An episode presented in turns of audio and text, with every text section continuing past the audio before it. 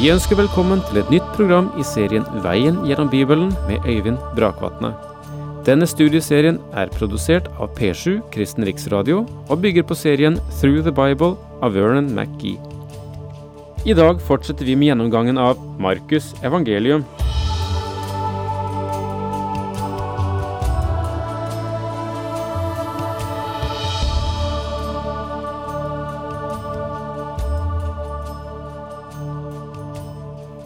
Ja, vi eh, holder på med Markusevangeliet og er fremdeles i eh, det første kapittel. Så finn det opp i ditt nye testamente eller i din bibel. Når det gjelder eh, dynamisk fortellerteknikk, korte, knappe setninger, rask fortellerstil, ting puttet inn nesten som i telegramstil, og denne raske aksjonsformen så er eh, Markus en ener av evangelistene. De andre har sine sider og sine meget sterke sider. For Markus er den kort, knapp, hverdagslig, klar, enkel fortellerstil. Jeg håper at uh, du blir glad i dette evangeliet, for, uh, for det er jeg. Og, og, jeg synes at denne unge mannen, åndelig sønn av Peter, delvis fostret av Paulus og sin onkel Barnabas, Han måttet være en enestående ung mann. Og det å få arbeidet sammen med ham, der han selv opptrådte som tjeneren, som hjelperen både for Paulus og for Peter, må ha vært en fantastisk opplevelse. Og på å si det nesten ikke rart at han eh, skriver Markus evangeliet, der Jesus som tjener stiger frem. Og igjen, la meg understreke, du vil legge merke til at tingene hender veldig fort her i det første kapittelet i Markusevangeliet. Han er tjeneren Jesus. Johannes døperen er den som introduserer ham, og Gud, Faderen, identifiserer ham og setter sitt seil på ham. Fristelsen som nå følger, vil innsette og innvie ham. Og så står det i det tolvte vers i Markusevangeliets første kapittel. Deretter drev ånden ham ut i ødemarken. Driver er et ord som understreker det barske alvoret. Guds ånd forflyttet ham rett inn i ørkenen der han ble fristet. Og her må vi peke på noe som det er viktig at vi ser. Vi kommer tilbake igjen til spørsmålet. Kan han gjøre jobben? Andre menn hadde sviktet. De klarte ikke å stå imot fristelsene. Adam feilet. Noah kom gjennom syndfloden, men så falt han tragisk. Vi så at Abraham feilet. Moses feilet. Han førte israelsfolket ut av Egypt, men han fikk ikke lov til å gå inn i det lovede land sammen med dem. Og stakkars David, han feilet han også. Så her ser vi at fristelsen innvier ham, fører ham inn i hans gjerning. Og der var han i 40 dager og ble fristet av Satan. Han holdt til blant de ville dyr. Englene tjente ham. Vi har ikke detaljene her som Matteus og Lukas gir oss. Han var i ørkenen i 40 dager, fristet av Satan. Han var fristet gjennom hele denne perioden. Noen mennesker synes å ha den forståelse at han fastet i 40 dager, og deretter fristet djevelen ham. Mine venner, han ble fristet hele tiden. Noen har også den oppfatningen at han var der og ble fristet av Satan, og de ville dyr mer eller mindre gav sitt til fristelsene. Markus sier her at han holdt til blant de ville dyrene og englene, og at de begge tjente ham. Dyrene er en del av skapelsen, lagt under menneskets herrevelde. Det er det mandat som Gud har gitt. De av dere som har fulgt med fra gjennomgåelsen av Første Mosebok, husker at vi lærte at alt i skaperverket var forberedelse for å danne et hjem for mennesket. Så langt vi vet, er dette den eneste klode der det finnes mennesker, og der mennesker kan oppholde seg og her tjente dyrene som var under mennesket Kristus Jesus ham, og englene over ham tjente ham. Det er det Markus sier her. Etter at Johannes var kastet i fengsel, kom Jesus til Galilea og forkynte Guds evangelium og sa, Tiden er kommet, Guds rike er nær, vend om og tro på evangeliet.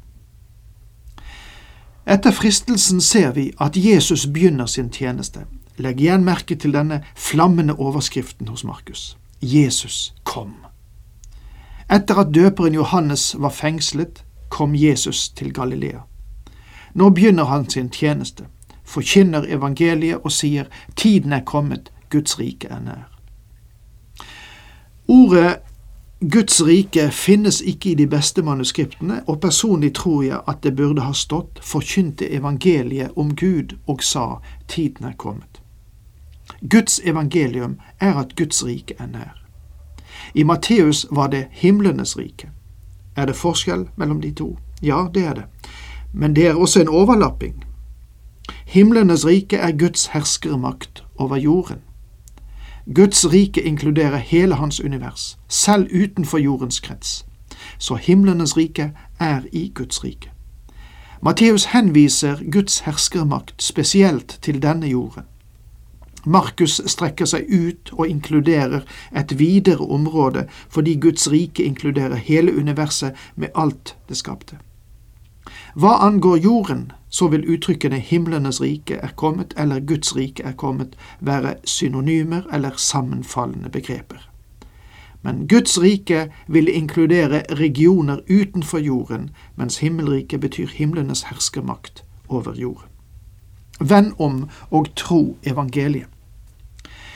Jesu budskap er det samme som det døperen Johannes hadde i Matteusevangeliet. Vend om, for himmelriket er nær. I vår tid har jeg en følelse av at budskapet er snudd på hodet. Det vil si at vi setter troen før det å vende om. Når du venner deg til Jesus Kristus i tro, venner du deg faktisk til ham fra noe annet. Og det å vende seg fra noe er omvendelse. Om der ikke var en vending fra noe, så ville det åpenbart heller ikke være en virkelig vending til Kristus.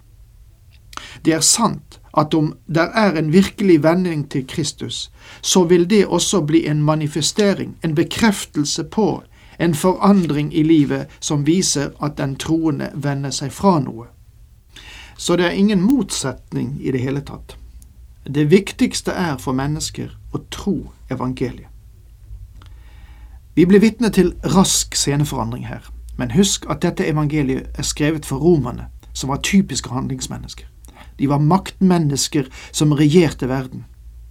Matteus er rettet inn mot det religiøse mennesket. Markus ble skrevet til det sterke mennesket. Lukas setter adressen til det tenkende mennesket på sitt evangelium. Johannes evangeliet er rettet til det oppgitte mennesket, mennesket som trenger frelse.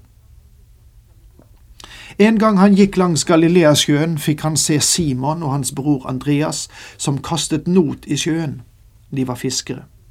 Jesus sa til dem, Følg meg, så vil jeg gjøre dere til menneskefiskere. Straks lot de garnene ligge og fulgte ham. Da han kom litt lenger fram, så han Jakob, sønn av Sebedeus, og hans bror Johannes. De satt i båten og bøtte garn. Da kalte han dem, og de forlot sin far Sebedeus, som satt igjen i båten med leiefolkene, og fulgte ham. Det var tre bestemte og atskilte kall til apostlene.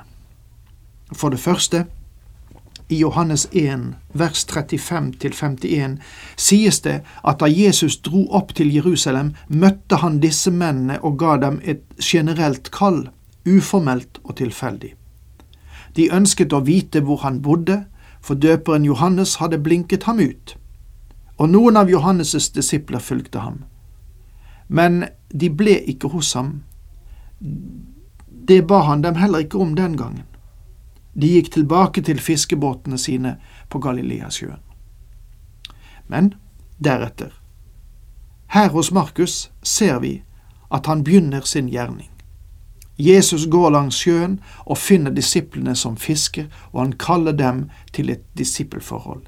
De skal være menneskefiskere. Men Av Lukas 5, vers 1-11, ser vi at de igjen gikk tilbake til sitt fiske. Det siste kallet, altså det tredje, var et kall til apostelstilling. Det er gjengitt i Markus 3, Matteus 10 og i Lukas kapittel 6. De hadde gått tilbake til fiskebåtene sine, og Simon Peter sa til ham, Gå fra meg, Herre, for jeg er en syndig mann. Lukas 5, vers 8. Det han virkelig sier er, Hvorfor finner du ikke en annen enn meg? La meg være alene, for jeg har sviktet deg så grassat, jeg er en syndig mann. Men Herren overga ham ikke, og det skal vi takke Gud for. Så Herren kom til ham denne tredje gangen og utpekte ham til medlem i apostelklassen. De kom til Kapernaum, og da det ble sabbat, gikk han inn i synagogen og lærte folket. Du husker at da de religiøse lederne spurte ham ut om hva han foretok seg på sabbatsdagen, så gjorde han det ganske klart at min far arbeider til denne dag, og så jeg arbeider. Vi vil snart se at han ikke arbeidet åtte timer per dag. Nei, han blunder ikke og sover ikke Israels vokter, ja, slik står det i Salme 121 vers 4. Og denne sabbatsdagen begynner tidlig på morgenen, da han gikk inn i synagogen og lærte dem. Denne synagogen i Kapernaum var intet senter for levende religion ved denne tiden. Det ser ut til at han forlot Nasaret fordi hans eget folk ikke ville ta imot ham, og han dro til Kapernaum, som han gjorde til hovedkvarter gjennom hele sin jordiske tjenestetid. De var slått av undring over hans lære, for han lærte med myndighet og ikke som de skriftlærde. Her ser vi virkningen av sannhetens makt og denne mannens holdning. Kritikken mot kirken i dag og mot presteskapet er at vi ikke taler med autoritet. Årsaken til at vi ikke taler med autoritet, er at vi har mistet vår tro. Når jeg sier vi, så mener jeg ikke at jeg har mistet min tro. Jeg mener at vi prester og predikanter som en klasse, en gruppe betraktet, ikke anstrenger oss nok for å forkynne og undervise Guds ord. Der er en drift bort fra sannheten og en sterk spaltning mellom prekestolen og Guds ord. Synagogen hadde ikke noe levende, vitalt å bidra med denne tiden, og det resulterte i at når Herren talte, så ble de overrasket over hans lære. Nå var det i synagogen deres en mann som var besatt av en uren ånd. Han satt i å rope, Hva har du med oss å gjøre, Jesus fra Nasaret? Er du kommet for å ødelegge oss? Jeg vet hvem du er, du Guds hellige. Dette første underet i Markusevangeliet er i den åndelige sfære. Bare Gud kan ta kontroll over den åndelige sfære. Han har makt over demonene. Det er mye historisk materiale som bekrefter at demonisme var sterkt utbredt over hele det romerske riket. Den eneste måten demonisme kan møtes på, er ved den Herre Jesus Kristus, fordi Han, og Han alene, er i stand til å bevege seg i denne sfæren. Det er årsaken til at Markus gir oss dette som Jesu første undergjerning. Han setter dette fremst fordi Jesus har makt i den åndelige verden. Og da, mine venner, er tiden ute. Takk for i dag. Herren med deg.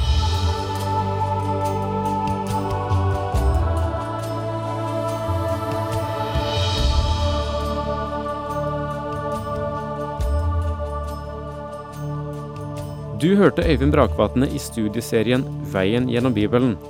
Serien bygger på et manus av Vern McGee. Har du spørsmål eller kommentarer til programmet, kan du sende en e-post til vgb krøllalfa p7.no. Takk for i dag, og på gjenhør.